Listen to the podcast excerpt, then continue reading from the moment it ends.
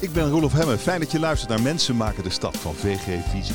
Deze podcastserie gaat over de mensen achter het Amsterdamse vastgoed. De grote jongens, de grote meisjes. Ik ben bang dat wij straks vier jaar lang stilstand hebben gezien als het einde van deze kabinetsperiode er is. Want dat er niets gebeurd is om daadwerkelijk te zorgen dat verplegers, onderwijzers, agenten ook in de stad als Amsterdam, Utrecht, Den Haag, Eindhoven of Groningen kunnen wonen. Laurens Evans is bij me. Hij is wethouder namens de SP van onder meer bouwen en wonen in Amsterdam. Welkom, fijn dat je er bent. Ja, leuk om hier te zijn. Uh, corona heeft ervoor gezorgd dat veel expa expats, de buitenlandse studenten, uh, de stad verlaten hebben. Er zijn geen toeristen. Airbnb ligt uh, op, op zijn gat. Je zou kunnen zeggen, een geluk bij een ongeluk voor een overspannen woningmarkt. Merk je dat? Nou ja, ik denk dat je dat deel uiteindelijk wel merkt. Je, we zagen voor de coronacrisis begon al dat er een soort afvlakking was in de stijging van de, de vrije sector, de dure huurwoningen. Dus je zag al een beetje dat we de piek wel aan het bereiken waren qua hoe duur kan een woning zijn. Uh, en je ziet dat ongetwijfeld dat nu nog wat verder misschien wel zal dalen. Maar in ieder geval zal afvlakken, die, uh, die, die stijgingen. Omdat er gewoon wel echt, echt een groep mensen uh, even niet meer naar de stad toe komt. Maar zet het op de langere termijn zo aan de dijk? Nou ja, dat is echt koffie te kijken. Dat is echt koffie te kijken. Kijk, je ziet de, de kans om een wat meer balans te brengen voor de volkshuisvesting in Amsterdam is er. Dat er misschien wat minder instroom is. Maar de bedreiging dat de, wat het gaat betekenen voor de bouw is er natuurlijk ook. De bedreiging wat het gaat betekenen voor de economie is er natuurlijk ook. Dus uh, behalve dat het in eerste instantie natuurlijk gewoon echt een gezondheidscrisis is die heel zwaar is, is ook de wethouder wonen van Amsterdam niet blij met deze crisis. Uh, en ja, hij heeft ook geen glazen bol. Dat is uh, een dingetje. Uh, wat, ik, wat me ook opviel, is dat de huurverhoging per 1 juli gewoon doorgaat. Ja. Terwijl ja. we toch best een stevige crisis hebben. Ja. Ja, nee, we even de huurverhoging die is gebaseerd op de inflatie van vorig jaar. Uh, en die is in gang gezet allemaal voordat de crisis begon. Maar het eerste overleg wat ik had met de minister uh, toen de crisis begonnen was, dus, de, dus toen corona Nederland had geraakt, heb ik al tegen de minister gezegd: denk er nou even over na of je die huurverhoging wel door moet laten gaan. Want dat past gewoon nu niet. En je ziet dat een aantal, soms grote partijen zeggen: ik doe even een tijdelijke huurmaatregel. Bouwinvest is bijvoorbeeld zo'n voorbeeld hmm. hier. Die zeggen gewoon: we doen een half jaar lang rekenen we geen uh, huurverhoging door. En ze doen hem niet structureel schrappen, maar in ieder geval het komend half jaar kom je niet extra in de problemen erdoor. Die nemen even een time-out. En ik vind het wel gek dat dat vanuit de andere verhuurders uh, niet gedaan wordt. En dat de minister ook zegt, ja, ik blijf dus bij mijn beleid. Waarin je dus uh, de inflatie plus zoveel procent, dat hangt een beetje vanaf welke mm -hmm. sector je precies zit, uh, dat dat toch het uitgangspunt blijft. Want een huurbevriezing lijkt mij nu best normaal. Ja, en wat, wat, wat houdt, wie, waarom gebeurt het dan toch nog toch niet? Want die, het gaat gewoon vrijwel overal door. Omdat er natuurlijk verwachtingen gewekt zijn en uh, zo beloftes gedaan zijn voor de verhuurder dat die huur verhoog, verhoogd mag worden. En die zijn allemaal gedaan voordat de coronacrisis kwam. Ja, nou hè? Uh, en ja, nou ja, mij hoef je dat niet te vragen. Nee, okay. Als het aan mij ligt, als het aan mij ligt, daarom zei ik, was het het eerste overleg. Ik denk, want toen was echt een maximaal draagvlak voor noodmaatregelen. Toen kwamen we met de Tozo-pakketten en dergelijke om ondernemers tegemoet te komen. Dat was het moment om ook te zeggen, dit is niet een tijd dat gerechtvaardigd is om een huurverhoging, in ieder geval een huurverhoging boven de inflatie, om die te rekenen. En de, en de wethouder uh, van Amsterdam heeft blijkbaar niet de macht om dat gewoon zelf te regelen in zijn Och, stad. ik zou dat zo graag soms hebben. Nee, even de wethouder van Amsterdam heeft heel veel invloed oh. uh, in de stad. En die kan erop toezien dat een woning gebruikt wordt om te wonen. Die kan woningbouw stimuleren en daar een steentje aan bijdragen. Die kan ook nog afspraken maken met corporaties. Maar daar houdt het ook mee op. Als het om de bestaande woningen gaat die in de stad staan van particuliere partijen, van zelfstandige partijen, dan uh, is de invloed van de wethouder uh, slechts zeer beperkt. Maar die corporaties kunnen het ook gewoon doen. Die doen het ook gewoon. Ja, maar die corporaties die hebben ook aanzienlijk ja. minder huurverhoging dan de marktpartijen. Hè? De corporaties hebben wij in, in, Amsterdam de afspraak mee dat ze inflatie plus maximaal een half procent mogen doen. Mm. Hè? Waarbij de minister had gezegd, of eigenlijk de Woonbond mm. en EDES hadden landelijk gezegd, in Amsterdam en ook in Utrecht mogen corporatie inflatie plus een half, uh, sorry, plus 1 procent rekenen. Hebben wij gezegd, beperkt dan nou tot inflatie plus een half procent. Maar nog liever had ik daar gewoon een huurbevriezing gedaan. Alleen dat kan maar op één manier. Dat, dat is dat je durft te zeggen dan ook, wie betaalt dan die rekening? Uh, wie zorgt dan dat de nieuwbouw blijft gedaan worden? Nou, en dat is heel simpel. Dat kan de minister doen. Want die rekent een enorme belasting voor die corporaties. Daar kan ze gewoon ietsjes van afschrapen. Dan kunnen we en door blijven bouwen Zonder dat we huurverhoging hoeven te berekenen. Het is, uh, het is niet gebeurd. Ik wil je graag, als je het goed vindt, een paar persoonlijke vragen stellen. Om je een beetje beter te leren kennen. Wat is je grootste succes? Nou, het grootste succes als wethouder vind ik dat wij in Amsterdam nu een, niet alleen maar praten over een sociaal segment en een vrij segment. Maar dat we ook echt een middensegment hebben. We hebben echt een nieuwe categorie semi-gereguleerde woningen toegevoegd. Dat dat, ja, althans in ons denken bedoel je? In ons denken, maar ook in onze productie, want ze worden ook al gebouwd. Oké. Uh, en wat is je grootste fuck-up? Ja, ik moet eerlijk zeggen, ik denk dat het vooral communicatief gezien dat er nog wel eens wat dingen uh, echt wel beter uh, uh, kunnen. recent heb ik een enorme discussie moeten hebben in, in, in Amsterdam, waarbij op een gegeven moment mensen die last hebben van verkamerde woningen, en mensen die een kamer zoeken tegenover elkaar kwamen te staan. En als je iets niet moet hebben in een samenleving, is dat groepen mensen die allemaal recht hebben om in deze stad te verblijven en daar prettig te wonen, tegenover elkaar komen te staan. Nou, dat verwijder ik mezelf dan wel. Maar daar zit natuurlijk ook wel iets raars in. Ik, ik las ergens in de voorbereiding op ons gesprek dat er hier en daar woningen worden onderverdeeld in. gezinswoningen worden onderverdeeld in een stuk of tien kamers. Waar de verhuurder dan 700 euro per kamer voor vraagt. Ja. 7000 euro per maand aan huurinkomsten. Nou, dat is, dit is wel heel sporadisch dat het zo gebeurt. Maar je Was ziet jouw voorbeeld? Je ziet het na drie, vier kamers, zie je het redelijk snel gaan. En dan wordt er inderdaad voor drie, vier kamers een bedrag gevraagd. Waar je echt u tegen zegt. Maar dan blijft over dat ik daar kan ik wat van hebben van diegene die daar zoveel mogelijk geld aan wil verdienen. Ja, voor dienstbelangen zit ik dan niet. Maar je wordt boos. Maar, ik, maar nou, waar ik dus wel voor zit, voor de belangen. Ik zit zowel voor de belang van die woningzoekende die die woning wil krijgen, als voor het belang van die omwonende of die woningzoekende die een reguliere woning wil. Ja, dus, maar als je het over, wel, ik, mijn vraag ging eigenlijk over je grootste fuck-up. En dat is dan dat je boos wordt. Nou ja, even. Ja, ik, ik word, je wordt, je wordt een eh, Nee, kijk, weet je wat de ergste dus woede. Dus opvliegendheid de is De ergste woede die je kan hebben is soms de machteloosheid. En ah. op een moment dat je groepen tegenover elkaar uh, voelt komen te staan hmm. en je kan het niet meer bijsturen, ja, dat is machteloos. Hmm. En dat is dus ook boos. Ja. Um, wat is het belangrijkste kantelpunt in je leven? Nou, ik denk toch eigenlijk het moment dat ik uh, uh, economie ging studeren. Um, ik ging uh, economie studeren in Maastricht.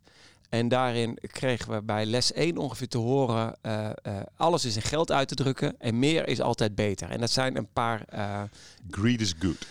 nou, nee, maar dat zijn gewoon, dat waren een soort uitgangspunten. Maar ik ging een wetenschap studeren, dus ik dacht, wij gaan op een gegeven moment die uitgangspunten ter discussie stellen. En dat hele eerste jaar werden die uitgangspunten niet ter discussie gesteld. Toen ik daarna naar Amsterdam verhuisde om de politicologie bij te gaan doen, toen werd me dat duidelijk dat de hele samenleving is gebaseerd op een economisch denkbeeld wat eigenlijk drijfstand is, omdat we die uitgangspunten niet ter discussie durven te stellen. Het is namelijk niet zo dat hm. alles in geld uit te drukken is en meer altijd beter is. Het lukt economen nog steeds niet om bepaalde eh, klimaatdoelen en dergelijke in geld uit te drukken. Of om, om geluk in geld uit te hm. drukken. En hm. toch is onze samenleving voor een groot deel daarop gebaseerd. En toen dacht ik, ja, er is hmm. ergens een drijfstand waarop de samenleving op gebaseerd is. Ik wil mijn steentje bijdragen. En toen werd je socialist? Toen werd ik socialist, dat klopt. Want ik, ik, ik was daarvoor, ik ging economie studeren. Nou, dan ben je nog best wel waarschijnlijk denkend in, in de leer van de economische principes. Maar ik ben op dat moment ben ik redelijk snel, tempo. Uh, uh, we praten dus Geradicaliseerd. Nou ja, uh, genormaliseerd. Mijn ogen geopend voor de werkelijkheid in plaats van voor de fictie. En wie is je held, je inspirator? Ja, dat vind ik een hele lastige vraag, want ik heb ze niet zo heel, heel, heel makkelijk. In elke fase van je leven neem je weer uh, nieuwe ervaringen en weer nieuwe mensen die, die de samenleving verder brengen, uh, waar je door geïnspireerd kan worden. Wie is je laatste held?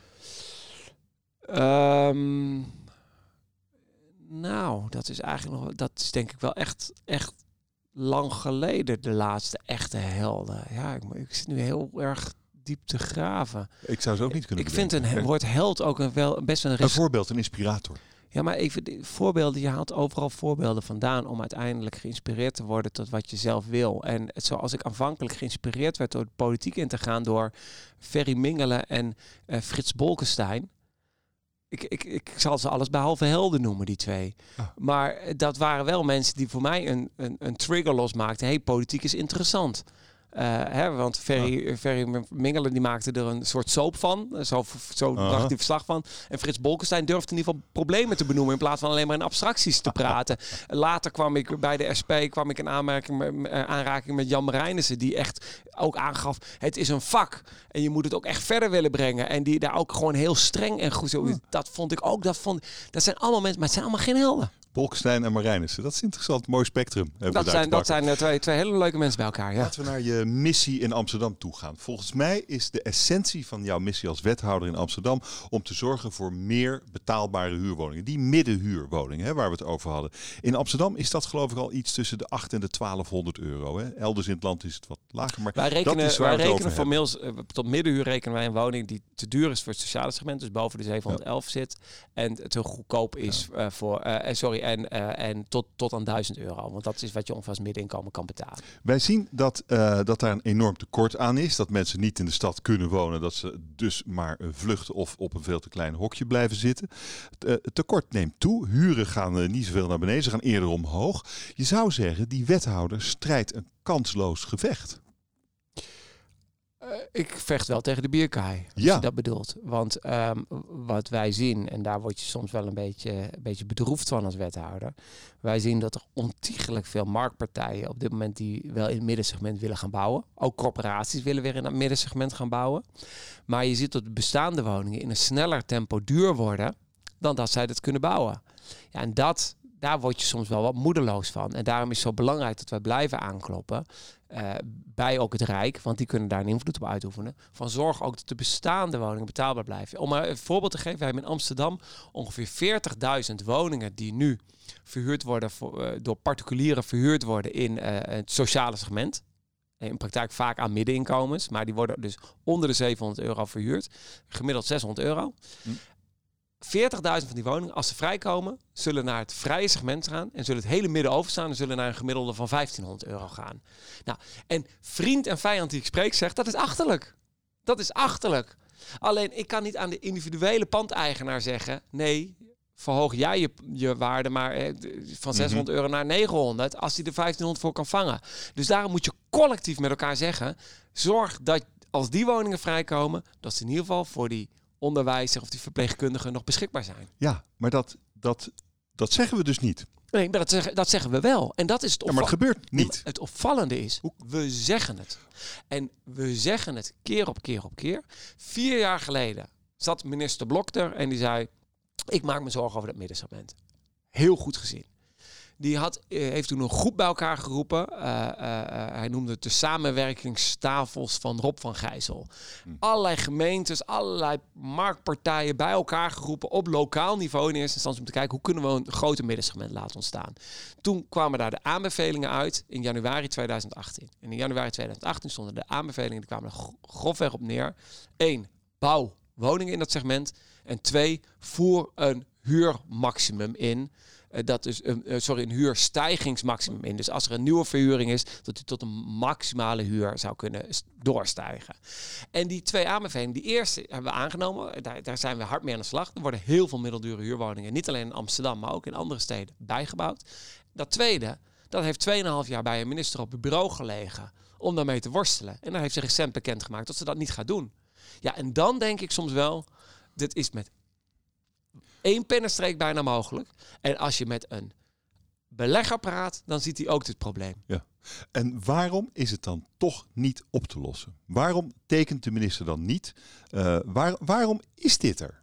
Hey, maar even omdat het een moeilijke keuze is. Omdat als wij er met... Het lijkt me helemaal geen moeilijke keuze. Als wij overduidelijk, met, toch? Als wij er met brancheorganisaties over praten, dan zien zij het probleem ook als je er met eigenlijk iedereen die erover praat, die ziet dit probleem. Beleggers waren toch voor die maximalisatie? Ja, maar de losse verhuurder, als het over die ene woning van jou gaat, heeft altijd wel een reden om te zeggen, ja, maar in mijn geval zou het niet moeten kunnen. Dan halen ze erbij, ja, maar ik moet de verduurzamingsinvestering kunnen betalen. Ja, maar mijn woningen vallen opeens in een andere box voor de, voor de belastingen. Ja, maar er zijn ontiegelijk veel ja-maars te geven, maar in de essentie afbellend zijn er gewoon heel veel mensen die gewoon nog hun rendement, hun winst goed willen kunnen maken op die woning. En durft de minister daarom deze maatregelen niet te nemen. En laat zij de oren toch wel iets te veel hangen naar de vastgoedeigenaren. En wat is dan jouw kwalificatie van dat beleid, van dat gedrag, Nee, maar dit is, die houding. ik ben bang dat wij straks, en daarom begon ik te schetsen met dat we vier jaar geleden minister Blok deze stap zei. Ik ben bang dat wij straks vier jaar lang stilstand hebben gezien als het einde van deze kabinetsperiode er is. Ja. Want dat er niets gebeurd is om daadwerkelijk te zorgen dat verplegers, onderwijzers, agenten ook in de stad als Amsterdam, Utrecht, Den Haag, Eindhoven of Groningen kunnen wonen. We, we zien dat eh, woningcorporaties iets van eh 2500 woningen per jaar gaan bouwen hè, in de stad. Ja. Eh, daarvan zijn er, als ik goed ben geïnformeerd, maar 275 in de middenhuurcategorie. Nee. Ah bon, hoeveel zijn het er Nee, ze gaan 2500 sociale huurwoningen Ja. bouwen. En daarnaast willen ze ook nog ongeveer 275 woningen. Oké, maar dat ook. Oké, daarnaast. eh, maar 275 in de middenhuur, terwijl daar een enorme Ja. behoefte is. Ja, dus ik heb met Mark Waarom zo weinig? Ja, dus omdat, ja, dat is eh, een beetje een technisch verhaal, dat wil ik graag vertellen. Maar volgens de, de er is bij de nieuwe woningwet is er een onderscheid gemaakt ehm, tussen eh, eh, wat corporaties nou echt mochten doen. In het verleden waren corporaties bezig met Maseratis kopen en hotelontwikkelingen. nou, dat mocht er allemaal niet meer. Maar toen werd ook gezegd, je mag je niet op het marktsegment begeven. Ja. En formeel is het middensegment marktsegment. En dus er is een markttoets geïntroduceerd. Een corporatie mag pas een middeldure woning bouwen als een marktpartij het niet wil. En laat ik heel eerlijk zijn. In Amsterdam willen de marktpartijen die woningen wel bouwen. Dat is het probleem niet. Dus naast dat de corporaties 275 woningen gaan bouwen per jaar, dat is niet zo heel veel, hebben we ook met marktpartijen afgesproken dat ze in de komende vijf jaar 10.000 Mhm. van die middeldure huurwoning gaan bouwen. En Ja. dat vind ik wel veel. Dus dat is goed. Daar, daarmee, maar hoe heb je ze zover gekregen? Want er was natuurlijk een enorm gedoe over die, over die 40-40-20 verdeling. Hoe heb je ze zover gekregen? Ja, dat viel bij de partijen die in het middensegment willen bouwen natuurlijk nog wel mee. Met de gedoe over de 40, 40, 20. Want je moet je beseffen, we hebben als stad al jarenlang... Het formele beleid is 30, 70, 30% sociaal, 70% vrij. In praktijk, als je naar de feiten kijkt, die 40% sociaal, die bouwen we al heel Ja. wat jaren als Amsterdam ongeveer. Mm-mm. Eh, en dan is 60% vrij. Wat er extra is toegevoegd is, is, en daarom ben ik daar ook zo trots op, is een extra segment, het middensegment. Nou, en die partijen die we dus daarvoor spreken, hè, dus de, de praten we over de NEPROM, praten we over de grote clubs in vastgoedbelang, praten we over de IVBN, die willen graag in het middensegment. Dus die worden met 40, 40, 20 eigenlijk bediend. Want die krijgen dus een stukje van het marktsegment, wordt echt bestemd voor die investeerder die echt voor de lange termijn eh, wil gaan bouwen. Dus daar zat het grootste probleem niet. Het probleem wat er bij deze partijen zit, is dat ik ook wil dat het voor een bepaald aantal jaren in het middensegment blijft. Ah ja. En het liefste wil ik dat altijd in het middensegment En blijft. daar wordt het riskant. En daar wordt het riskant. Ja. Dan zegt de belegger, ja, maar ik wil ruimte voelen om een, aan de markt te kunnen aanpassen. Dus, dus die 10.000 woningen in vijf jaar en die, eh, en die, nou ja, die 275 waar we het eerder over hadden, dat is eigenlijk verdampt dat weer waar je bij staat. Ja. Eh, het is niet bij te houden. Dus waar gaat dat heen in de stad? Want mensen moet, moeten moeten mensen naar Purmerend, naar Diemen, ze moeten de stad uit. Dat is eigenlijk wat hier gebeurt. Nee, maar dat is waar het heen gaat, is koffiedik kijken. Het, wat ik wel weet, Nou, dit, ik denk dat je dit al ziet gebeuren. nee, eh, het is koffiedik kijken waar het nog heen gaat. Dat maar wat ik wel weet, Ja. is wat er gebeurd is. En dat die trend misschien wat afvlakt, maar nog steeds er is. De eh, huurprijzen in Amsterdam zijn in de afgelopen vijf jaar verdubbeld, de gemiddelde markthuurprijzen. Ja, dat zijn dingen die je gewoon kan constateren. En waar je dus ziet, als die tendens niet stopt, dan, eh, eh, dan verandert er echt wat. En je ziet dat onze stad de afgelopen jaren tienduizenden woningen extra heeft gekregen voor mensen met een hoog inkomen, maar waar alle andere mensen dus niet in kunnen. En dus zien we inderdaad, zowel de wachtlijst voor sociaal, die is gigantisch geworden, want niemand laat meer een sociale huurwoning achter. Want ja, dan moet je die stap maken van je sociale huur van 600 euro Ja. naar een woning van 1500. Dat doe je niet meer. Dat zou wel in één klap veel oplossen als, als dat scheef wonen zou ophouden. Ja, maar even, het grotere probleem in Amsterdam is ondertussen dat te veel mensen in een te dure woning zitten. En niet meer dat ze in een te goedkope woning zitten. Want uiteindelijk valt dat nog best mee. Er hangt van je definities af hoe groot die groep Hmm. is.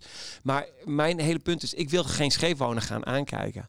Welke kant ook op. Ik wil aangeven dat deze markt op slot is gekomen doordat er een gat is ontstaan. Er is een enorm gat ontstaan tussen het sociale segment en de markthuren. En daar kan je op op een paar manieren mee aan de slag gaan. Dan kan je ofwel zeggen, ik zet die sociale grens, die verschuif ik omhoog. Nou, dat is een no-go bij het Rijk.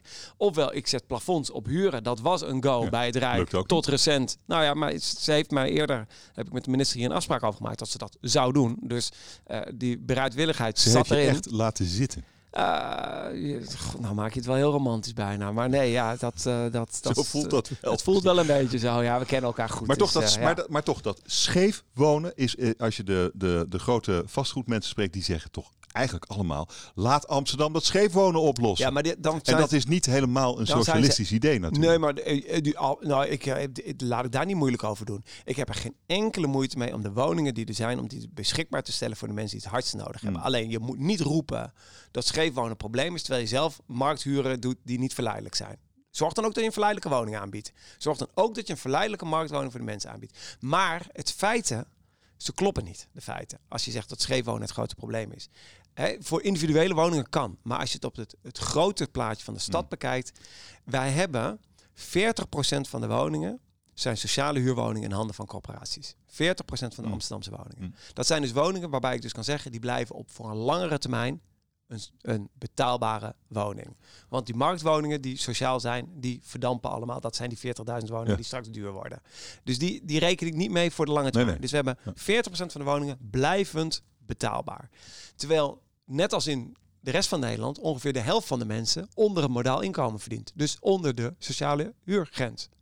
Dus 50% van de mensen Hm. moet in 40% van de woningvoorraad. En dan zeg jij, ja, maar dat kan in heel veel gemeenten. Ja, maar dat komt omdat ze daar ook sociale koopwoningen hebben. En die hebben wij Ah, niet meer, oké. want onze koopwoningen zijn onbetaalbaar. Dus we hebben een... Ik bedoel, je kan van alles van scheef wonen vinden. Op individueel niveau kan je voor een, af en toe voor een woning best wel wat daarmee doen. Ja. Maar op groot abstract niveau hebben we gewoon meer betaalbare woningen nodig. Want we hebben er Ja. te weinig. En we, nou, we stellen vast dat dat heel erg moeilijk is en eh, nou, dat de oplossing eigenlijk niet in zicht is. Dat is wel de afdronk die ik heb van, van ons gesprek nu. En dat, dat is toch wel. Dat eigenlijk moet je accepteren dat het niet lukt. En de grote vraag is dan of dat erg is. Je zou het erg kunnen vinden omdat het een economische impact op de stad zou kunnen hebben.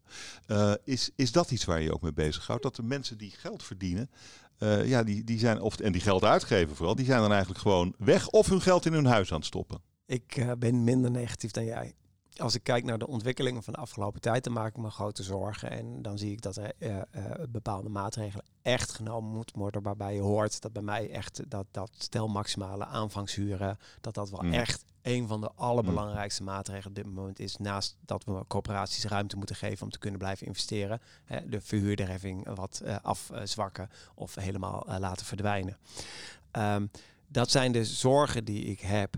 Maar uiteindelijk, deze stad is gemaakt door Amsterdammers. En Amsterdammers laten het zich niet gebeuren dat ze massaal eruit gaan. Je hoort die roep om middensegment is niet voor niks er gekomen. We hebben niet voor niets dat middensegment wat we aan bouwen zijn. Wat een semi-gereguleerd segment is. Mm. We laten het niet gebeuren. De minister heeft niet voor niets aan mij beloofd dat ze die maximale huurprijs ging instellen. De vorige minister, minister Blok, heeft niet voor niets daar een onderzoek naar laten doen. Iedereen beseft dat het zo niet kan. Het enige is dat kennelijk de oplossing op landelijk niveau nog niet gevonden is. En dan kan je meerdere manieren het bedenken. Als je het aan de VNG vraagt, die zegt, nou, geef gewoon gemeente Hm. zelfzeggenschap om dit te mogen bepalen. Is een oplossing. Wil je ook? Ja, ik Tuurlijk. te popelen om aan de slag te gaan. Dus dat kan een oplossing zijn. Geef de gemeente de mogelijkheid. Of neem als Rijk de juiste maatregel. Het enige waar ik wat negatief over word. Het Rijk heeft het nu gezegd, wij nemen zelf die maatregel wel. Je kan niet vier jaar lang dwepen met een maatregel en daarna niks doen. Want dan Hmm. word ik wat... Maar uiteindelijk laten we het toch met elkaar niet gebeuren. En binnenkort gaan we allemaal weer naar de stembus. Gaan we het allemaal weer laten horen wat er moet gaan gebeuren. Maar we laten het niet gebeuren. En uiteindelijk ook al die grote partijen. Ook al die mensen die wel eh, geld eh, spenderen. Want jij kan straks misschien wel een fantastisch mooie woning hier kopen voor een miljoen. Maar als jouw kinderen niet naar school kunnen omdat er geen onderwijs meer te vinden is. Of als je de zorg niet meer kan krijgen omdat er geen verpleegkundige meer te vinden is. Wil jij geen miljoen neerleggen voor een woning in Amsterdam? Oftewel, dat gaat niet gebeuren. Onze stad gaat zo niet veranderen. Dat staan we met elkaar bij en dat gaan we niet toelaten. Deze podcast van VG Visie wordt mogelijk gemaakt door DVP en Rechtsstaten. Rechtsstaten verleent hoogwaardige juridische diensten aan partijen die actief zijn op de commerciële vastgoedmarkt. Doelgericht, praktisch, waar voor je geld. Rechtsstaten. DVP helpt bij de ontwikkeling en realisatie van projecten. Hoge kwaliteit, financieel beheerst. Met als doel gewild en rendabel vastgoed. Daadkrachtig, onafhankelijk en integer. DVP. We praten zo meteen verder en dan bijvoorbeeld over deze vraag. Want waarom wringt en schuurt het zo tussen wethouder Evans en de wereld van het commerciële vastgoed? Maar eerst een andere vraag. Eh, welke drie mensen hebben de stad gemaakt tot wat die nu is? In jouw beleving. Och, waarom altijd mensen waar ik naar moet... ehm, Vind je mensen vervelend? Eh, Nee, nee, nee, maar ik, ik ben niet iemand die allemaal altijd lo- loopt, eh, allemaal namen loopt te, te roepen en te denken. Kijk, ik, ik, ik, laat ik een vraag iets anders interpreteren. Ik denk dat er in de ontwikkeling van de stad, dat deze stad is natuurlijk gemaakt als een handelsstad. Dus we praten echt over heel lang Mhm. geleden. Hè? Eh, ehm, eh, en dat degene die daar de grote bijdrage aan geleverd hebben, dat we dus een open handelsstad werden, dat dat een hele belangrijke bijdrage is eh, geweest. Dan zie je daarnaast dat wij de stad ehm, eh, van handelsgeest, dat we die hebben verbreed naar een open en tolerante stad. Hè? De, de jaren eh 70 mentaliteit die hier nog steeds zit, dat dat de stad verder heeft vormgegeven.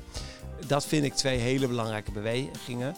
Eh, ik ben zelf nog meer van de beweging die je eigenlijk de afgelopen tijd ziet. Waarbij je zegt, we proberen vooral met elkaar een solidaire stad te zijn. Hè? mm. We laten alles in elkaar toe. We geven elkaar ruimte. Eh, we geven elkaar vrijheid.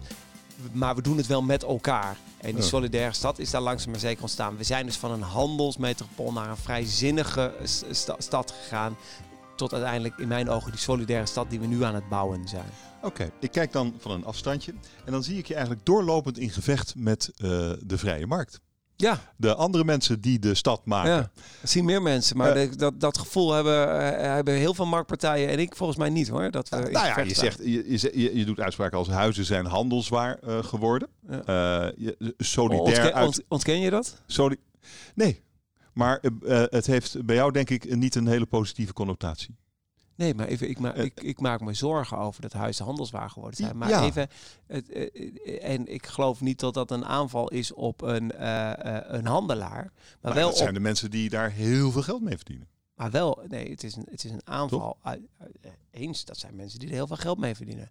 Maar het is een aanval op dat het verkeerd geregeld is. Kijk, hier bij een van de metrostations staat wonen is een recht. Dat is de boodschap hier. Wonen is een recht. Ik wil dat het weer gaat over wonen. Ik wil dat het niet gaat over winst maken op een woning. Ik wil niet dat het gaat over dat je een koopwoning kan bemachtigen. Dat je in 30 jaar lang de hypotheek kan aflossen. En dat je daarna bezit hebt en daarmee je pensioen veiliggesteld is. Nee, dat is niet de primaire rol van het wonen. Net zoals dat het winst maken niet de primaire rol van het wonen is. Het zorgen van huisvesting is de primaire rol. Hm. En ik moet eerlijk zeggen, heel veel marktpartijen beseffen heel goed dat zij hun taak bewaken. En dat is zorgen dat je rendement haalt. Bijvoorbeeld, de investeerder kijkt gewoon naar rendement. De bouwer kijkt gewoon naar bouwproductie en naar een, winst. De, eh, dan heb je de speculanten. Nou, moet eerlijk zeggen, ik zie nog niet helemaal welke constructieve bijdrage ze precies leveren. Eh, maar eh, die heb je ook nog een, een rol spelen. Maar je, veel partijen nemen allemaal een rol. En uiteindelijk is de Mhm. essentie, hoe breng je die rollen bij elkaar om dat wonen is een recht centraal te stellen. En dus een woning mag nooit een handelswaar worden. Een woning mag nooit een winstobject worden. Een woning mag... Het woning moet het allemaal kunnen zijn. Want zonder een eerlijk rendement bouw je ook geen woning. En wat zou je dan zeggen tegen Prins Bernhard, om maar iemand te noemen? Ja, ik heb wel eens met Prins Bernhard gesproken. En, en dan zeg je dit verhaal. Ja. En dan, en, dan, en, dan, en dan is het gesprek gauw afgelopen, vermoed ik. Nou ja, even laat ik wel wezen. En ik ga geen, eh, niet allerlei individuele gesprekken die ik heb herhalen. Maar het is niet dat dan bij, bij zulke partijen ontkracht wordt dat het van belang is dat die woningen er komen. Omdat wonen eh, geen recht is. Nee, die erkennen dat het nodig is dat hier betaalbare woningen zijn. Alleen die zeggen wel, ja, als dus de spelregels zo stellen dat ik hier ook allerlei eh, manieren die winst op kan maken. Ja, dan ben ik gekke Henkie als ik het niet doe. En als ik het niet doe, doen een ander het wel. Nou, en daar zit het in. Ja. Je moet de spelregels voor die partijen moet je juist stellen. En daar zit voor mij de, de, de kern. Ik heb, heb dus geen kritiek op iemand die denkt... ik ga investeren in een woning om er winst op te maken. Als hij daar, eh, als hij daar ook een oprechte doelstelling bij heeft. Ik heb wel kritiek natuurlijk op mensen die... eh, huurders proberen uit te roken, noem maar op, hè, proberen weg te treiteren. Kijk, daar heb ik allemaal kritiek op, maar dat mag ook eigenlijk niet. Nee. Maar als je gewoon rendement wil maken op een woning, dan kan ik ze niet kwalijk nemen als dat binnen de spelregels kan. Alleen dan denk ik wel, samen met deze mensen kunnen we wel kijken of die spelregels wat eerlijker kunnen. Ja, maar dan, dan bij de spelregels zit natuurlijk ook ehm, eh, de, de, de, de, de prijs van grond is Ja. heel erg duur. Ja. Nou ja, dat, dat, dat maakt dan dat wat erop staat ook heel erg duur is. Ja. Doet daar dan wat aan. Nou ja, dat doen we ook. Kijk, Nou. de grondprijs is in Amsterdam ni- niet, niet het, eh, de kern van het probleem. Daar heb ik ook met, met de marktpartij de, de afgelopen tijd veel over gesproken. Ik heb op een gegeven moment ook gezegd, van, wat willen we dan? Moeten we een korting gaan geven op de grondprijs? Nee, want dat is een marktverstoring. Wat zij willen, wat zij willen is dat we die grondprijs eerlijk, goed en transparant berekenen. En dat willen wij ook. Wij hebben in Amsterdam het standpunt, de grondprijs is de, de waarde van grond, dat is de, eh, de marktwaarde van een woning die op die grond staat, minus de bouwkosten van die woning, dat is de prijs van de grond. Om maar even heel anders te stellen, stel je voor dat we een lagere grondprijs hanteren, maar de marktprijs nog even hoog, want met de grondprijs beïnvloed je niet de marktprijs. Want uit de, als ik bedoel, je Mhm. koopt een huis eh, en het is binnen no time is die in de waarde verdubbeld. Nou, dat is niet omdat de grond meer is geworden. Het is gewoon omdat je huis is verdubbeld. Dus de marktprijs die is in eerste instantie leidend. Als je de grondprijs verlaagt, de bouwkosten blijven hetzelfde en de marktprijs stijgt of blijft hetzelfde, dan heb je eigenlijk alleen maar gezegd: ik ga geld van de gemeente geven aan de eigenaar van een pand. Dat is niet nodig. Daar vragen de marktpartijen ook niet om. En toch is dat wel wat, ze- wat ze zeggen. Het is, de grondprijzen zijn te hoog. Dus een melkkoe voor de stad bovendien. Ja. En doe daar eens wat aan. Dan krijg je vanzelf woningen met een lagere huur. Nee, even. even en maar jij doen- zegt dat is niet waar. Nee, maar dat doen we dus. Even daar, die, die partijen. Eh, eh, ik, ik bedoel, ik hoor ook wel eens dat een individu zegt de grondprijs is te hoog. Dat zou ik ook altijd vinden. Ik, ik bedoel, eh, alles is altijd te duur. Een biertje op het terras is ook te duur. Ehm, maar die grondprijzen, die zijn hoog. Maar die zijn, Ja. als ze maar transparant goed berekend zijn, zeggen marktpartijen dat het Hmm. prima is. Omdat het anders tot een marktverstoring gaat leiden die zij niet uitlegbaar vinden. Hmm. Wat wij nu doen is het volgende. Wij stellen voorwaarden bij grond, aanvullende voorwaarden. Bijvoorbeeld, je moet 25 jaar lang het in het middensegment verhuren. Dan zegt zo'n marktpartij, ja, die aanvullende voorwaarden betekent dat de marktwaarde van de woning voor mij lager is. Dus zeggen wij weer, marktwaarde min bouwkosten is grondprijs. Dus de grondprijs daalt. Dus die aanvullende voorwaarden die wij stellen, betalen we als gemeente in de grondprijs. Ja, maar dan heb je dus een paar jaar heb je een middenhuurwoning. En daarna gaat die sky high. Nou ja, 25 Dat, jaar dan. dat is dan... Ja, Ja, als, als, als jij je hier- smaak weet hoe langer kan. Ik Ik, zou- nee, eh, maar het is, nee, ik- ik, ik had al niet de indruk dat het makkelijk was om wethouder te zijn van wonen in Amsterdam. Maar eh, het is wel, het is heel moeilijk. Aan alle kanten zit je klem. En het heeft vooral te maken met regelgeving die toestaat dat huren sky high gaan vrij snel. Dat er onvoldoende capaciteit is in de markt. Kijk, waar, Dat, dat is het eigenlijk. Hè? nee, kijk, er wordt op dit moment heel veel gebouwd. Hè. Wij hebben nu in Amsterdam, hebben wij in zes jaar tijd hebben wij een stad van de omvang van Hilversum of Amstelveen bijgebouwd. en het is niet genoeg. Een aantal woningen. Precies. Dat is niet genoeg voor de, om wat aan de prijzen Hmm. te gaan doen. En omdat de stad is een magneet op dit moment en er blijft maar mensen aantrekken. We weten dan even niet wat corona precies gaat brengen. Maar voor die tijd was in ieder geval, die magneet was er. En met alleen maar bouwen kom je niet naar, een- bij een betaalbare stad. Dat is helder. Eh, wat we dus nu nodig hebben, is dat we ook durven te zeggen dat we die maatregelen nemen om te zorgen dat uiteindelijk woningen ook echt betaalbaar zetten. En voor nieuwbouw kunnen we dat dus voor een x aantal jaar vastleggen. En eh, bij, in Amsterdam Mm. is dat 25 jaar waarin we dat eh, afspreken. Dat is relatief lang. Vinden dat, daar heb ik dus wel kritiek van beleggers op. Die vinden dat te lang eigenlijk. Ja. Ze hebben nu wel gezegd, we gaan ermee akkoord. Maar eh, wel onder de voorwaarden, als het in de laatste vijf jaar een nieuwe verhuring is, dan mogen ze hem alvast aanpassen. Nou, oké. Jammer, dat is dan de, de, de, de beweging die ik moest maken. Dat heet met partijen onderhandelen. Dan moet je iets geven en iets nemen. Maar dit zou je wel een groot succes kunnen noemen. Eh, maar dit is een succes van, van investeerders en van gemeenten. Ja, van ons samen. Ja, als we het en, en we gaan nu realiseren. Ja, dit is, maar dit, dat, dat is wat ik het grootste succes vind. Is dat we een semi-gereguleerd middensegment hebben gecreëerd. Dat vind ik echt het grootste succes. Ja. Dat- Dus je hebt de minister eigenlijk helemaal niet zo hard nodig. die Ja, voor nieuwbouw niet. Nee. Nee, maar dat is dus dat- nee, maar dat is het wrangen. En daar, de minister zegt telkens, ik ga geen maximale prijzen Ja. stellen, want dan leg ik de nieuwbouw stil. Maar voor de nieuwbouw doen we dit al. Maar je hebt, je hebt eigenlijk het probleem gewoon 20 jaar uitgesteld. Dat is Nee, ja, ja dat- en nee. Ja en nee. Ehm, ja, ik heb het, probleem 20 jaar uitgesteld als de markt zich blijft ontwikkelen zoals het is. Maar nee, ik weet niet hoe het eruit gaat zien. Maar ik denk ook in die 20 jaar. Het is een politieke keus geweest om de huren helemaal vrij te geven. U kent het voorbeeld nog wel. Het puntenstelsel. Oh. Het puntenstelsel bestaat nog steeds. Was voorheen op het gros van de woningen van toepassing. En is nu eigenlijk alleen nog maar van toepassing in een stad als Amsterdam met hele hoge waardes op de kamertjes die we verhuren. En voor de rest is het puntenstelsel niet meer relevant. Het puntenstelsel was dus een manier waarop we maximale huurprijzen hadden voor het grootste deel van de woningen. Gewoon, daar was voor gezorgd via zo'n puntenstelsel. Het is een politieke keus geweest om dat puntenstelsel langzaam maar zeker weg te faceren. En jij gaat mij niet vertellen dat er in de komende twintig jaar niet moedige politici zijn die wel een keuze durven maken. Kijk, dat deze vier jaar nu vier jaar van stilstand dreigen te worden. Ik Oh. hoop dat dat nog mee gaat vallen. Maar dan moeten ze nu snel maatregelen nemen. Maar er gaan niet twintig jaar lang alleen maar ministers zitten die gaan afwachten en zien wat voor ellende er komt. Ja, dat is eh, toch ook een beetje in je glazen bol kijken. Nee, dat is. Een Dat, beetje kijken wat er gaat. ja, maar even, dan kom ik weer terug bij wat Amsterdam is. En Amsterdam vormt zich altijd en altijd door die Amsterdammers. We zijn die handelsstad geworden omdat we als Amsterdammers dat ervan gemaakt hebben.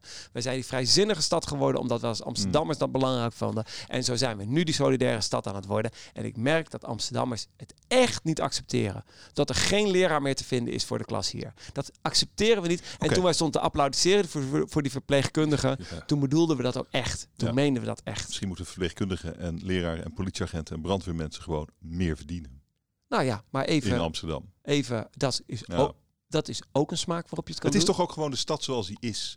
Het is een aantrekkelijke plek. Niet iedereen hoeft er toch te wonen. Nee, maar even, waarom is het een aantrekkelijke plek?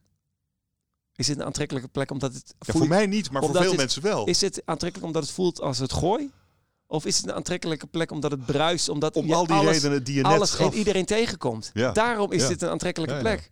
En En daarom... wat is jouw angstbeeld dan? Maar daarom, nee, maar daarom heb ik niet zo heel veel angsten. Want dit gaan we allemaal doen. Het enige waar ik bang voor ben, is dat het allemaal te lang duurt.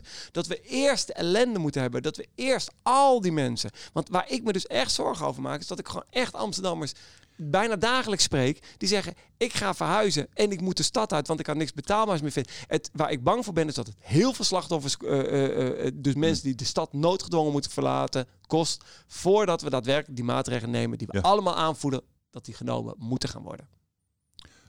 Want, want je angstbeeld zou dan een stad van miljonairs zijn.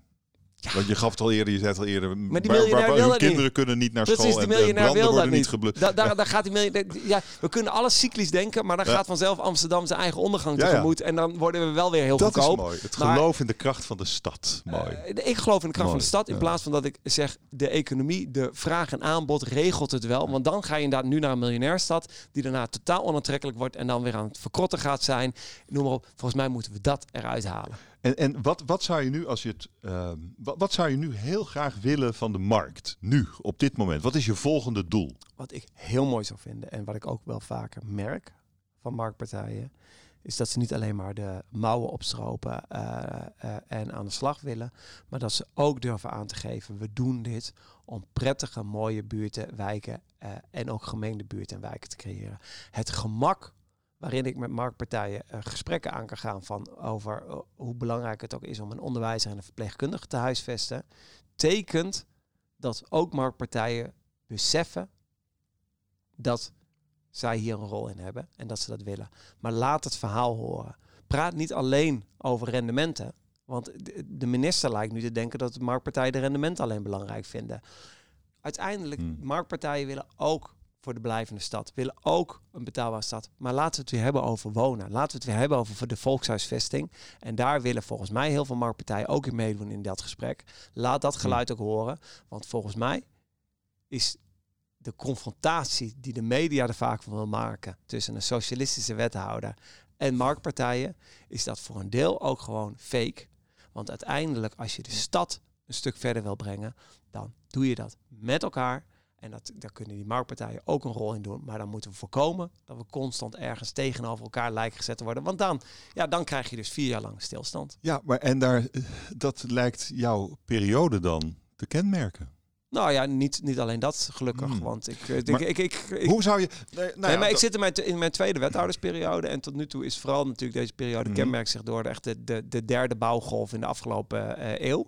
Dus tot dat, wat, dat- wat dat betreft gaat het best goed. Ik zei al, een stad als Amstelveen of Hilversum is erbij gebouwd. derde bouwgolf. Nou ja, even de- eeuw. Ja, het is, het is, het is, ja, ik bedoel, ik moest het ook allemaal even opzoeken toen mensen dat zeiden. Ja. Maar hij, hij is er echt. En, en, en dat is toch wat meest kenmerkend op dit moment is. Er wordt wordt heel gebouwd. En dat ligt niet aan deze wethouder. Hè. Dat gaat deze wethouder niet op zijn kont te schrijven. Dat ligt aan al die partijen die een steentje willen bijdragen aan deze stad. Die mensen die er willen wonen.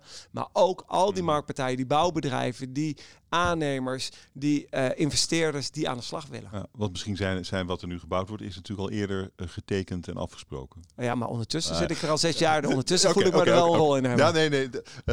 Uh, waar ik eigenlijk naartoe wilde was de vraag hoe je straks als wethouder herinnerd zult worden en wilt worden. Ja, dat is een leuke vraag.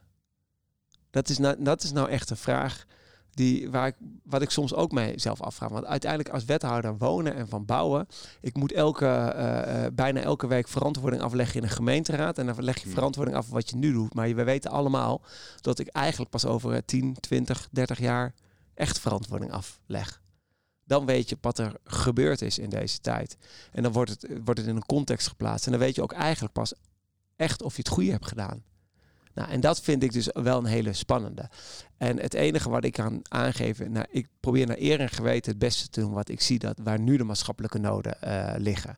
En uh, ik hoop dat dus vooral gezien wordt dat wij in deze tijd hebben gezegd wij willen niet alleen maar uh, de, uh, een stad zijn waar uh, arme en rijke mensen komen te zitten, maar we willen zorgen dat het echt een gemengde stad blijft waar ook dat midden in zit. Ik hoop dat zoiets uiteindelijk blijft hangen, dat dat een bewuste keuze is, want het is heel bewust die keuze, maar dat het een bewuste keuze is die gemaakt is in die tijd dat ik wethouder mocht zijn. Dank je zeer voor dit gesprek. Dank je wel. Alsjeblieft.